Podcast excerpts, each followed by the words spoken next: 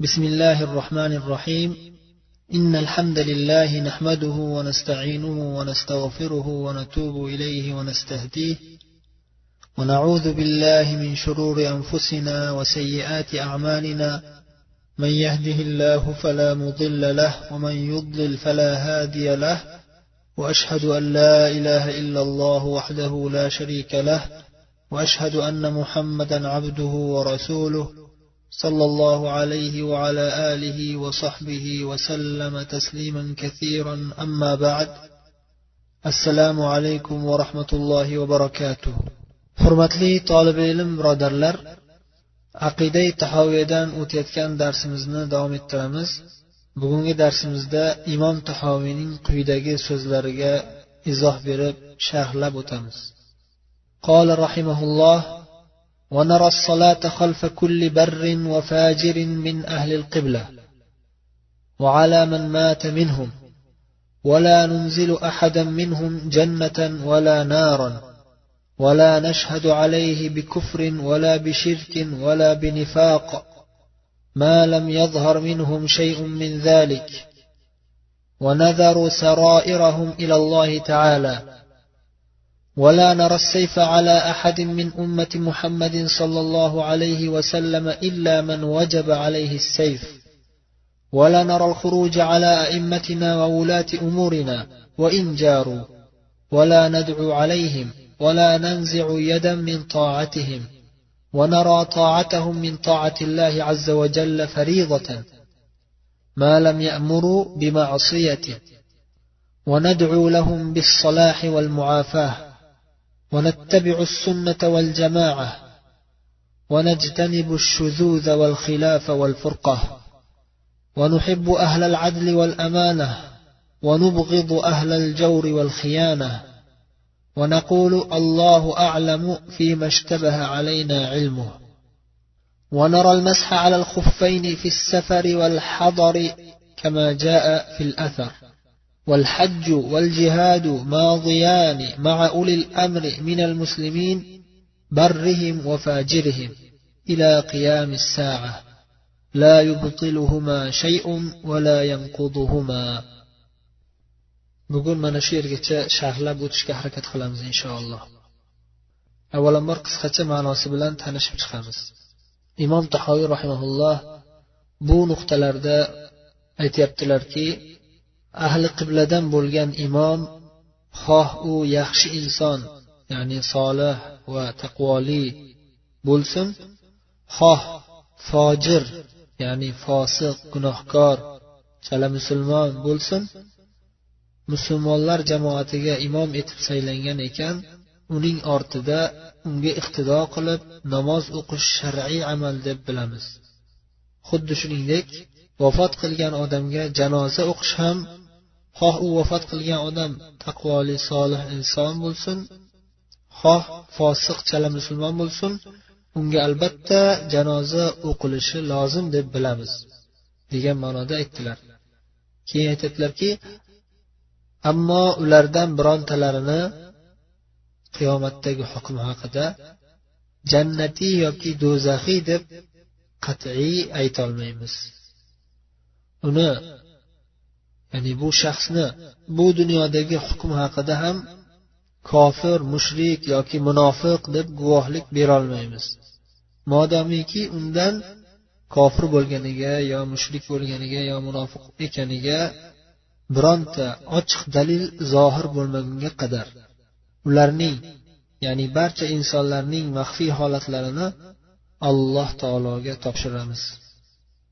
Ummati muhammaddan bo'lgan musulmonlarning birontalariga qarshi qilich ko'tarish ya'ni ularning qonlarini to'kish joiz deb bilmaymiz ya'ni harom.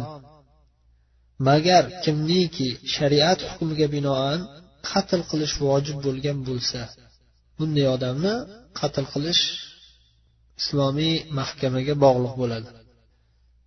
Imomlarimiz ya'ni amirlarimizga va rahbarlarimizga qarshi chiqish ya'ni ularni hukmronlikdan yiqitishga harakat qilishni joiz deb bilmaymiz. Hattoki ular zulm qilayotgan bo'lsalar ham ularni duoyi bad ham qilmaymiz. Ularga itoat qilishdan bosh tortmaymiz balki ularga itoat qilish alloh azza va jallaga itoat qilish hisoblanadi va buni bo'ynimizdagi farz amal deb bilamiz. Agar ular gunoh ishlarga buyurmayotgan bo'lsalar ya'ni agar gunoh ishga buyursalar itoat qilmaymiz. Ularning haqqilariga biz duo qilib ularni solih rahbar bo'lishlarini ofiyatda iymoniy va jismoniy jihatdan ya'ni sog'lom bo'lishlarini so'raymiz. Biz doimo sunnati nabaviyaga va musulmonlar jamoatiga ergashamiz. Va doimo musulmonlar jamoatidan ajralib chiqishdan ixtiloflar chiqarishdan va firqalarga bo'linib ketishdan uzoq bo'lamiz. Adolatli va omonatdor insonlarni yaxshi ko'ramiz. Zulm va xiyonat ahlini ya'ni zolim va xoinlarni esa yomon ko'ramiz. Qaysiki masalaning ilmi bizga aniq bo'lmasa allohu alam deb aytamiz. Alloh biluvchiroq deb aytamiz. Safarda ham muqim bo'linganda ham mahsiga xuddi rivoyatlarda kelganidek mash tortish shar'iy amal deb bilamiz. Haj va jihod musulmon rahbarlar bilan birga xoh ular taqvoli solih bo'lsinlar xoh fojir fosiq bo'lsinlar qiyomat qoyim bo'lgunga qadar davomiy bo'ladi. Ya'ni davomiy bo'lishi kerak. Shunga buyuriladi. Musulmonlar jamoati bu ikki ibodatni ham albatta o'rni kelganda amalga oshirishlari lozim bo'ladi. Haj va jihodni hech qanday narsa yoki hech qanday shaxs yoki jamoa bekorga chiqara olmaydi va botilga ham aylantirolmaydi. Ya'ni bunday qilishga umuman hech kimning haqqi yo'q. Endi sharhga o'tamiz. Imom tahoviy rahimaulloh bu yerda zikr qilayotgan masalalarning aksar qismini o'tgan darslarda sharhlab o'tganmiz. Lekin imom tahoviy odatdagidek ahamiyati baland bo'lgan masalalarni ko'p takrorlaydilar. Bugungi darsimizdagi asosiy yangilik esa siyosat va jihod mavzusiga bog'liq bo'ladi. Biz imom tahoviyning tartiblariga binoan matnlarda zikr qilingan masalalarni qurbimiz yetganicha sharhlab o'tamiz. Agar avval sharhlangan masalalar bo'lsa qisqacha zikr qilib o'tib ketaveramiz. Imom tahoviy aytyaptilarki ahli qibladan bo'lgan imom xoh u yaxshi inson solih taqvoli bo'lsin xoh fojir fosiq gunohkor bo'lsin musulmonlar jamoatiga imom etib saylangan ekan uning ortida unga iqtido qilib namoz o'qish shar'iy amal deb bilamiz dedilar.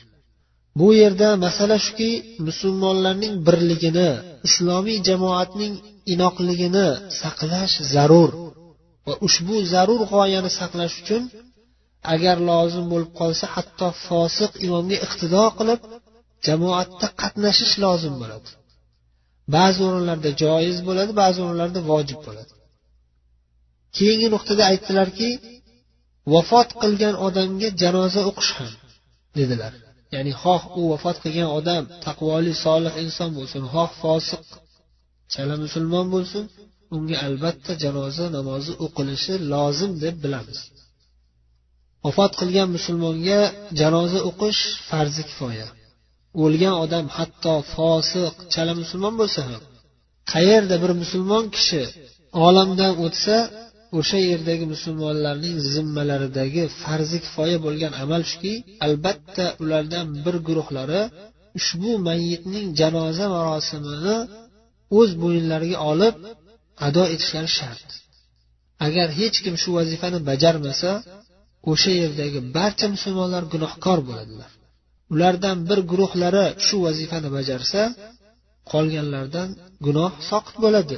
Ammo buyuk savobli ishdan kim o'zini mahrum qilishni yaxshi ko'radi? Ya'ni janoza namozida qatnashish vafot qilgan musulmon odamni yuvib kafanlab janozasini o'qib dafn qilishlik bu buyuk ibodat juda ham ulug' savob. Rasululloh sollallohu alayhi vasallam juda ham katta tog'day tog'day savob bo'ladi degan ma'noda hadis aytganlar. Janoza marosimi deganda ya'ni ushbu mayitni yuvib kafanlab janozasini o'qib musulmonlar maqbarasiga olib borib ikrom izzat bilan ko'mib qo'yish ko'zda tutiladi. Keyingi nuqtada aytyaptilar ammo ulardan birontalarini jannatiy yoki do'zaxiy deb aytolmaymiz. Ya'ni qiyomatdagi hukm haqida qat'iy guvohlik berolmaymiz. Oxiratdagi hukmi masalasida hech kimni qat'iy suratda yo jannatiy yo do'zaxiy deb guvohlik berishga haqqimiz yo'q. Magar qur'oni sunnatda shaxslari tayinlanganlardan tashqari qat'iy guvohlik berish uchun qur'oni sunnatdan ochiq hujjat kerak. Ammo umumiy guvohlik bu lozim. Musulmonlar mo'minlar shak shubhasiz jannatiy bo'lishadi. Lekin falonchi pistonchi o'g'li bo'lgan shaxs jannatiymi yoki do'zaxiymi? Kim qat'iy suratda hukm chiqara oladi? Alloh va rasuli. Alloh va rasuli hukm chiqargan bo'lsa kimgaki bu odam jannatiy degan bo'lsa yoki do'zaxiy degan bo'lsa unda biz ham alloh va rasulini hukmiga binoan guvohlik beramiz. Ammo lekin shaxsi tayinlab aytilmagan bo'lsa biz shaxsini tayinlolmaymiz keyingi nuqtada aytyaptilarki yana uni kofir mushrik yoki munofiq deb guvohlik ham berolmaymiz. Ya'ni bu dunyodagi hukm haqida. Modomiki bu inson kofir bo'lganiga yo mushrik bo'lganiga yoki munofiqligiga bironta ochiq dalil zohir bo'lmagunga qadar biz uning ustidan hukm chiqara olmaymiz. Ularning ya'ni barcha insonlarning maxfiy holatlarini alloh taologa topshiramiz. Modomiki ochiq oydin hujjat yo'q ekan hech kimning ustidan kofir mushrik yoki munofiq deb guvohlik berish joiz emas. Ochiq kofirlar ochiq munofiq munofiqligi oshkor bo'lgan kimsalar bu hukm ostiga kirmaydi. Ularning kofirligini tayinlash joiz. Masalan o'zini musulmonligini e'tirof etmaydigan tavhid kalimasiga va muhammad sollallohu alayhi vasallamning payg'ambar ekanliklariga guvohlik bermaydigan ochiq kofirlar kofir deb aytilishi kerak. Shaxslarni tayinlab aytish o'rni kelganda aytilaveradi. Xoh yahudiy bo'lsin xoh xristian bo'lsin xoh kommunist bo'lsin xoh boshqa modomiki islomga kirganini ochiq e'lon qilmas ekan bu insonni kofir deb ayta olamiz. Ammo lekin maxfiy holatlarni allohga topshiramiz. Muttafaqun alayhi hadisda rasululloh sollallohu alayhi vasallam aytadilar men odamlarning qalblarini tekshir tekshir qilishga ichlarini yorib ko'rishga buyurilmaganman dedilar. Shunga binoan kim ochiq oydin holatida men yahudiyman yoki men ateistman yoki men hech qaysi bir dinga ishonmayman xudo borku ammo dindor bo'lishni hech kimdan qat'iy talab qilmagan xohlagan odam dindor bo'lsin xohlagan odam dindor bo'lmasdan yuraversin desa bu odam kofir deb aytamiz. Chunki alloh taolo musulmon bo'lishlikni hammadan qat'iy talab qilgan. Men musulmonman deb islomni e'tirof etadiganlar islomdan chiqarib tashlaydigan kufr akbar yoki shirk akbar yoki katta munofiqlik amallarini qilishmasa biz ularni musulmon deb e'tiborga olamiz musulmonlar sifatida muomala qilamiz. Keyingi nuqtada imom tahoviy aytyaptilar ummati muhammaddan bo'lgan musulmonlarning birontalariga qarshi qilich ko'tarish ya'ni ularning qonlarini to'kish joiz deb bilmaymiz ya'ni harom.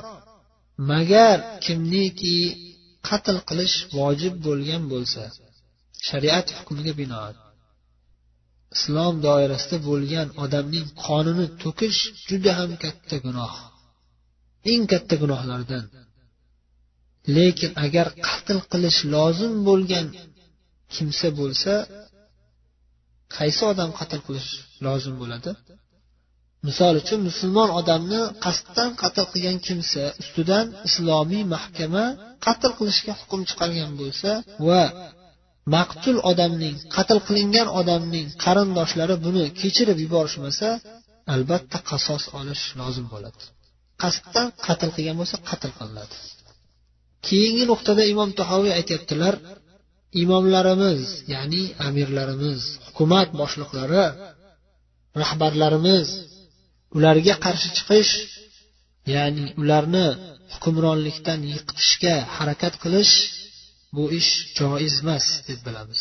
Bu ishni joiz deb bilmaymiz deyaptilar hattoki ular zulm qilayotgan bo'lsalar ham ularni duoibat ham qilmaymiz.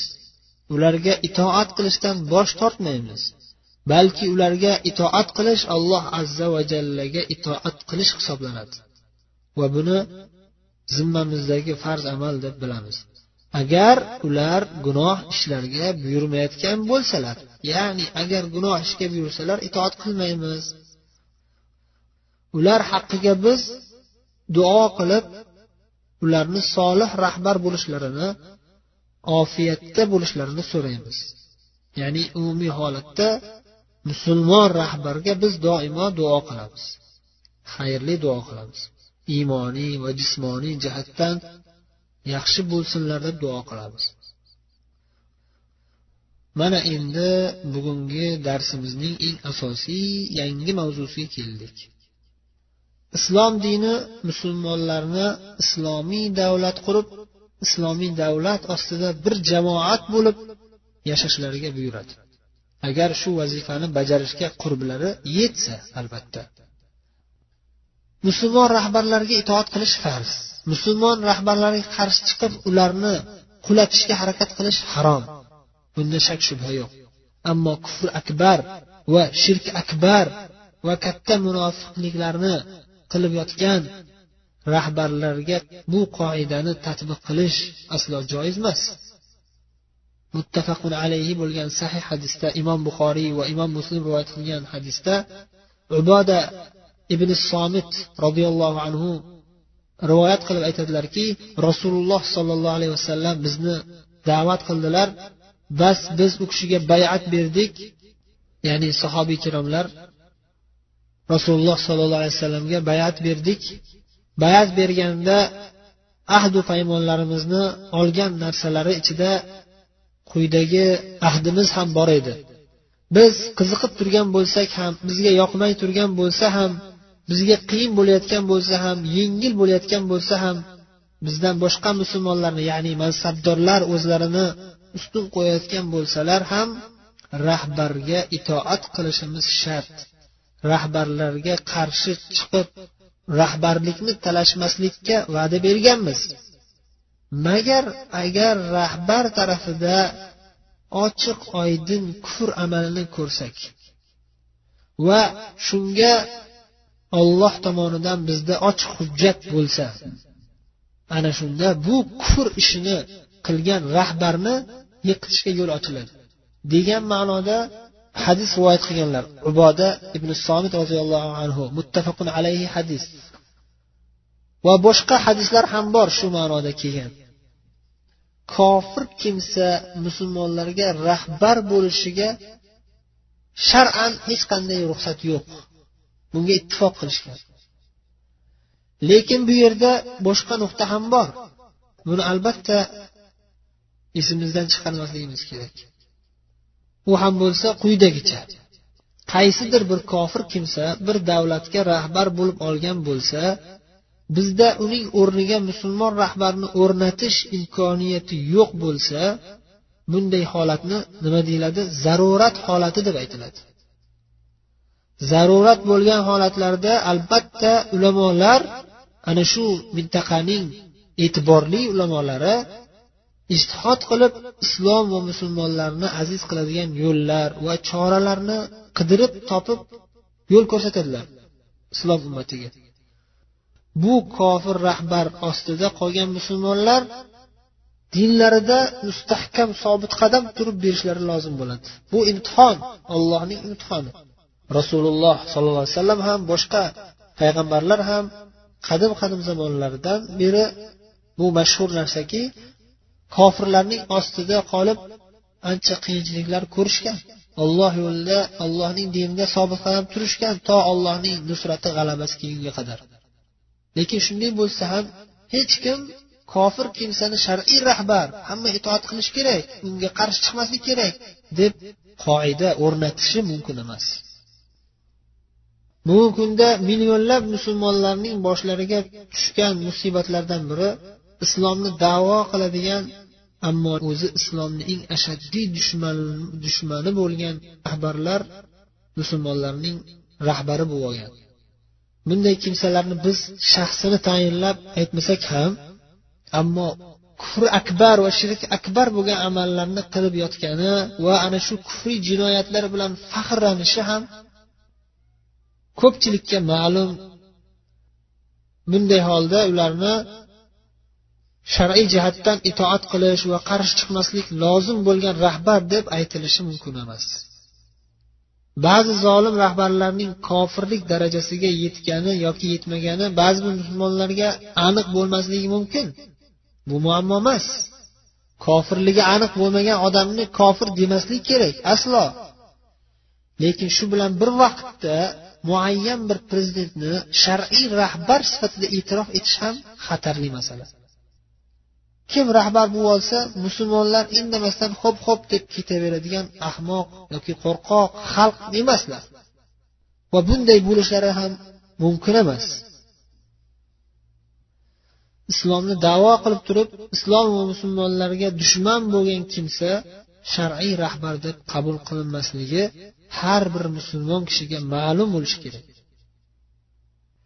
Imom tahoviy va boshqa imomlar musulmon rahbarlariga itoat qilish vojibligi haqida hadis shariflardan olib aytgan so'zlari butun xalqni xor qilib tashlab muslima ayollarni fahsh yo'llarga kirishga majbur qilayotgan rahbarlar haqida aytilayotgan so'zlar emas. Musulmon rahbar bo'lib haqiqatdan ham islom va musulmonlarni himoya qilib jihod qiladigan rahbarlar haqida aytilgan so'zlar. Shuning uchun matnning davomida imom tahoviy nima dedilar? Ana shunday rahbarlar bilan birga jihod davomli bo'lishi zarur dedilar. Islomdagi mashhur qoida shuki islom ahli qachonki ikkita zararli narsadan birini tanlashga majbur bo'lib qolishsa va ularga boshqa chora yo'q bo'lsa ushbu ikki narsaning zarari kamrog'ini tanlashlari kerak. Zolim rahbar masalasida ham ushbu qoidaga amal qilinadi. Musulmon xalq zolim rahbarning zulmini yo'q qilish uchun oldilaridagi ikki muqarrar zarardan yengilrog'ini tanlashga majbur bo'ladilar. Umuman zararsiz yechim yo'q. Shunday holda musulmonlar voqealarini o'rganib qandaydir zararga sabr qilib boshqa kattaroq zararni daf etishlari kerak. Islomiy dalillar ham sog'lom aql egalarining tafakkurlari ham maslahatlari ham mana shu narsani ko'rsatadi. Birdan yo'q qilish mumkin bo'lmagan yomonlikni to imkoniyat tug'ilgunga qadar iloji boricha kamaytirish yo'lidan borish zarur. Zolim rahbarning zulmini to'xtatish yo'lida uzoqni o'ylab ish tutish va sabrli bo'lish zarur. Tinch yo'llar bilan sal kechroq bo'lsa ham hal qilish ilojisi bo'lsa ana shuni qo'llash kerak. Bunday holda davlatga qarshi isyon ko'tarib chiqish harom bo'ladi. Bu ishning zarari ko'pligi uchun. Islom dini hech qachon rahbarlarning zulmiga faqat sabr qilib yashashga buyurmaydi. Balki zulmni yo'q qilishga hech bo'lmaganda kamaytirib borishga buyuradi. Va bu vazifani ma'lum bir tabaqa egalarigagina yuklab qo'yilmaydi. Balki har bir inson qo'lidan kelganicha ilmu hikmat xolis niyat va sabru matonat bilan bunday zulmni yo'q qilishga harakat qilib borishi zarur.